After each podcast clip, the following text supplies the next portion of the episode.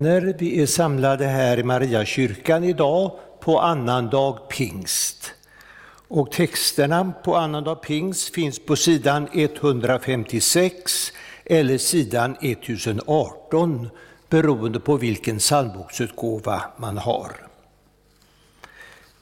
Eh, vi kommer att fira en enkel gudstjänst med psalmsång, eh, bön, textläsning och förkunnelse. Och efter sammanringningen sjunger vi salmen 162, de två första verserna.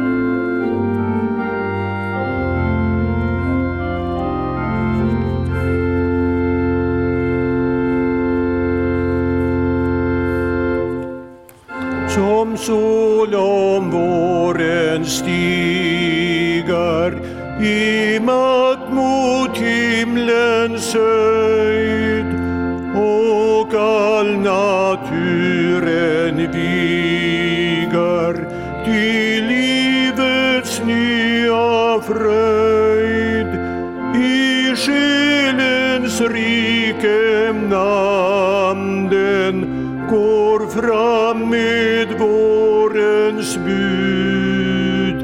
Nu brister alla banden, nu skapar livets Gud. Som gulden guldet renar, så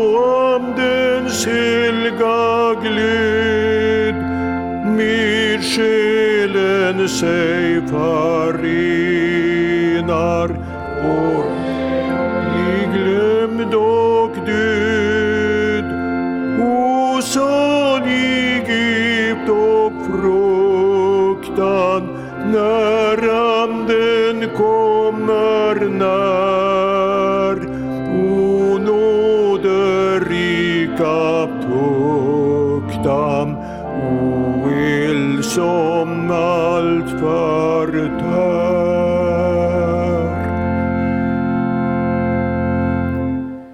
Kära vänner, bröder och systrar i Kristus. Vi är samlade här för att tacka Gud för hans välgärningar och be honom om det vi behöver till kropp och själ. Men eftersom vi alla har syndat så behöver vi först av allt be Gud om förlåtelse för vad vi har brutit och försummat. Låt oss bedja och bekänna.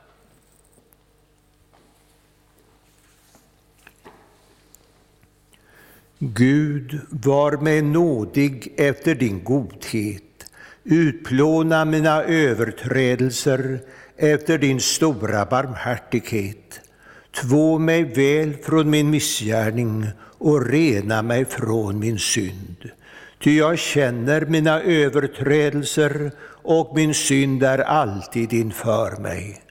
Mot dig alena har jag syndat och gjort vad ont är i dina ögon.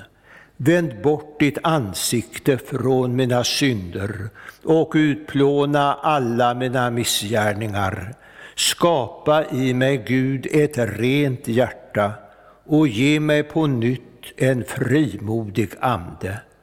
Förkasta mig inte från ditt ansikte och ta inte din helige Ande ifrån mig. Låt mig åter få fröjdas över din frälsning och uppehåll mig med villighetens ande. Om vi bekänner våra synder så är Gud trofast och rättfärdig så att han förlåter oss våra synder och renar oss från all orättfärdighet. Amen. Låt oss bedja.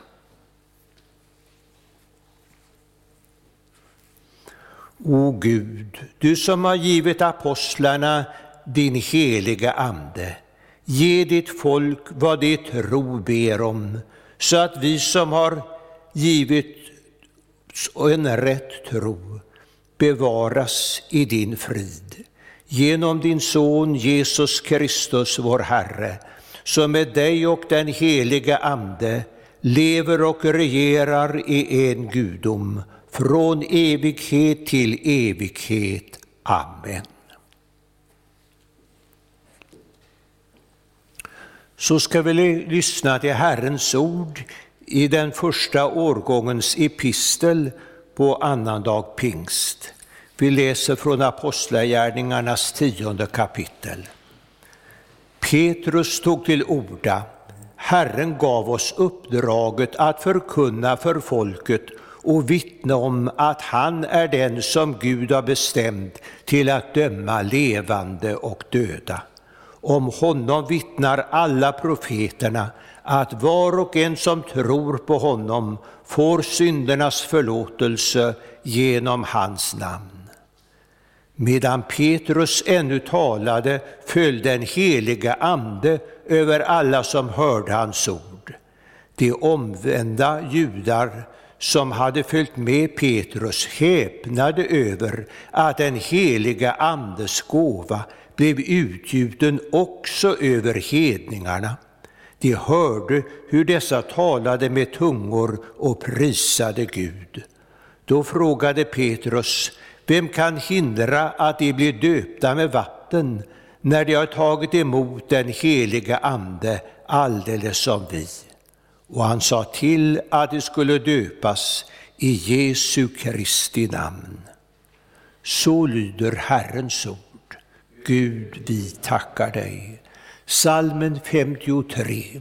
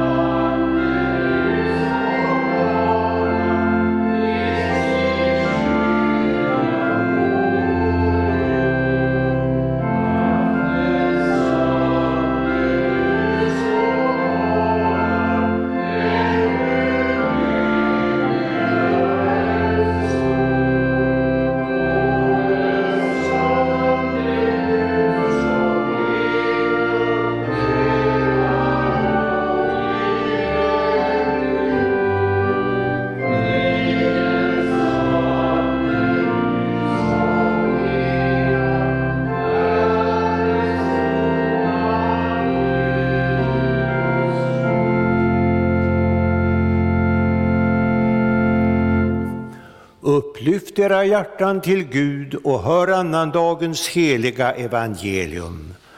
Så läser vi i Johannes evangelium. Så älskade Gud världen att han gav den sin enda son för att de som tror på honom inte ska gå under utan ha evigt liv.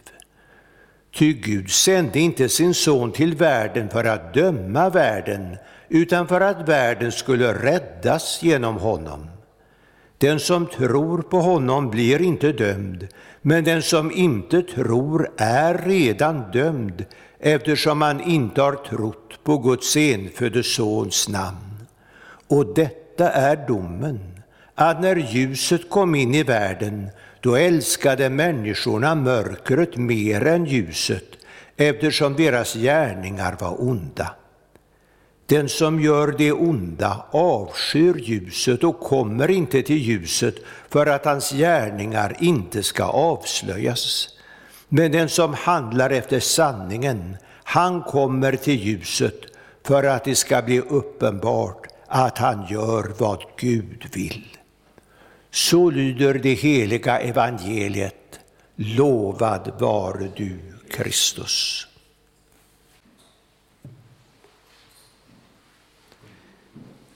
Ja, vänner, inledningen på dagens evangelium tror jag ni alla kan. Man brukar kalla det för den lilla bibeln eftersom detta ord sammanfattar huvuddelen av bibelns innehåll. Så älskade Gud världen att han gav den sin enda son för att de som tror på honom inte ska gå under utan ha evigt liv. Där har du Guds kärleksförklaring till dig och mig. Och det är denna kärleksförklaring som jag ska lyfta fram idag. Guds kärleksförklaring till dig och mig visar för det första hurdan Gud är. Gud är kärleken. Det står på flera ställen i Bibeln. Men när man säger att Gud är kärleken så kanske många människor inbillar sig att Gud är den som inte tar det så noga med vårt liv. Han är snäll, han bryr sig inte om hur vi lever. Men nej, Gud är för kärlek. Det är inte detsamma som slapphet, att eh, låta udda vara jämnt, utan kärlek, det är att ta sig an någon. Och nu står det här, så älskade Gud världen. Och världen, det var den gudsfrånvända världen, människor som älskade mörkret mer än ljuset, människor som gick sin egen väg, människor som inte frågade efter Guds vilja och Guds väg och ändå älskad av Gud. Jag älskar någon, det kan man ju göra eh, med den som är snäll och hygglig. Men de där människorna som är besvärliga och stygga, de har man svårt att älska. Men Guds kärlek är så stor att han älskade syndare inte därför att han älskade synden, utan därför att vi är hans egna skapade varelser. Han älskar oss. Sådan är Gud. Hans kärlek är gränslös. Guds kärleksförklaring till dig och mig visar vidare vad Gud har gjort i sin kärlek. För en sak är ju att säga jag älskar dig. Men kärlek, det är inte vackra ord. Kärlek är handling. Så är också Guds, tog, tog, tog sig också Guds kärlek uttryck i handling. Hur då? Jo, att han gav den sin enda son. Du som eh, kanske har läst 1917 års bibelöversättning och är mera hemma med den. Du kanske kommer ihåg att det står att han utgav sin enfödde son. Och det ligger något mer i det än att han gav den sin enda son. Han lämnade alltså sin egen son åt den gudsfientliga världen. Jesus kom hit till jorden för att eh, frälsa syndare. Jesus gick in under vår nöd. Han gick in under våra svårigheter. Han gick in också under det värsta onda, nämligen vår synd. Han tog på sig vår synd, han dog vår död, därför att vi är älskade av Gud. Så mycket älskade att Gud vill rädda oss. Han lämnar inte människorna i sticket. Men stod det inte här också talat om domen? Jo, visst gjorde det det. Men Gud sände inte sin son för att döma världen. Jesus kom alltså inte hit för att eh, säga till människorna, passa er, akta er, ni har gjort min himmelske fader så mycket illa. Nej, han kom hit för att rädda världen, för att världen skulle bli frälst genom honom. Och tänker du på detta, ja, då vet du att du är älskad av Gud så högt att Jesus offrade livet för dig. Så underbar är hans kärlek. Det visade han framför allt när han dog för våra synder på korset och uppstod igen och lever. Han gjorde det för dig, han gjorde det för mig. Sådan är Guds kärlek, så stor är den till oss allesammans. Guds kärleksförklaring till dig och mig talar också om vilket mål och vilken mening Gud har för vårt liv. Varför älskade Gud världen? Varför sände han sin son i världen? Jo, för att de som tror på honom inte ska gå under utan ha evigt liv. Det var syftet, det var det mål Gud har för oss och våra liv, att vi inte ska gå under. Genom att gå bort ifrån Gud så gick människorna mot sin egen undergång. Men Gud vill inte att någon enda människa ska gå förlorad. Inte gå under, utan ha evigt liv, står det. Evigt liv, det är alltså inte någonting som man får automatiskt när man dör, eller som en belöning för att man har levat ett rättskaffens liv. Nej, evigt liv, det är heller inte ett långt liv. Evigt liv, det är en gemenskap med levande Gud. Den som tror på mig, säger Jesus, ska inte gå under utan ha evigt liv. Inte få evigt liv, utan ha evigt liv. Så det eviga livet börjar alltså inte bortom död och grav. Det börjar här och nu när en människa tror på Jesus Kristus. Hur ska man komma till tro då? Jo, det får vi hjälp med av Hjälparen, den helige Ande, vars dag, andra dag vi firar idag. Den heliga Ande Skapa tro genom Guds ord.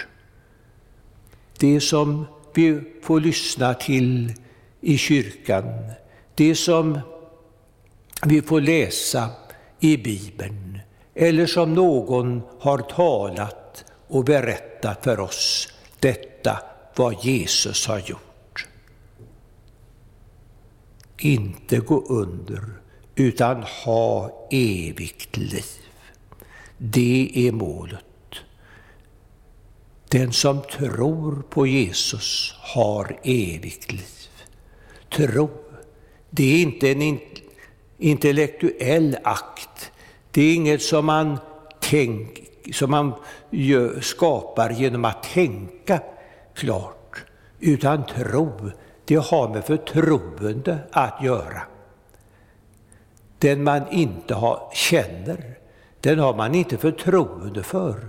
Mot den personen är man istället lite reserverad. Men Jesus, den som känner Jesus, är inte reserverad inför honom, utan den som känner Jesus vågar, har, vågar ha det förtroendet för Jesus, att jag får komma till honom också med synden, allt det där onda som jag skäms för, det får jag gå med till Jesus. Inte gå under, utan ha evigt liv. Det har du om du tror på Jesus. Och därför så får du alltså leva i tro. Och inte bara ibland, utan varje dag får du i förtroende gå till Jesus, bära fram det som brister i din bön till honom. Ja, så har Gud visat och har vi fått lyssna till Guds kärleksförklaring som talar om vem Gud är, att Gud är kärleken. Det talar om vad Gud har gjort för oss. Han gav oss sin enda son som frälsare. Och det ordet talar om vilken mening och vilket mål Gud har för våra liv. Att vi inte ska gå under utan ha evigt liv genom tron på Jesus Kristus, vår frälsare. Då är min fråga till dig, tar du emot denna Guds kärleksförklaring till dig? När Gud säger att han älskar dig, då får du lita på detta. Du får leva av hans kärlek. Det får du göra varje dag genom hela livet här på jorden. Ända till dess att du får se det här underbara livet med Jesus i fullbordan i evigheten. Amen. Ja, lovad vare du, Gud, och välsignad i evighet, du som med ditt heliga ord har velat trösta, lära, förmana och varna oss.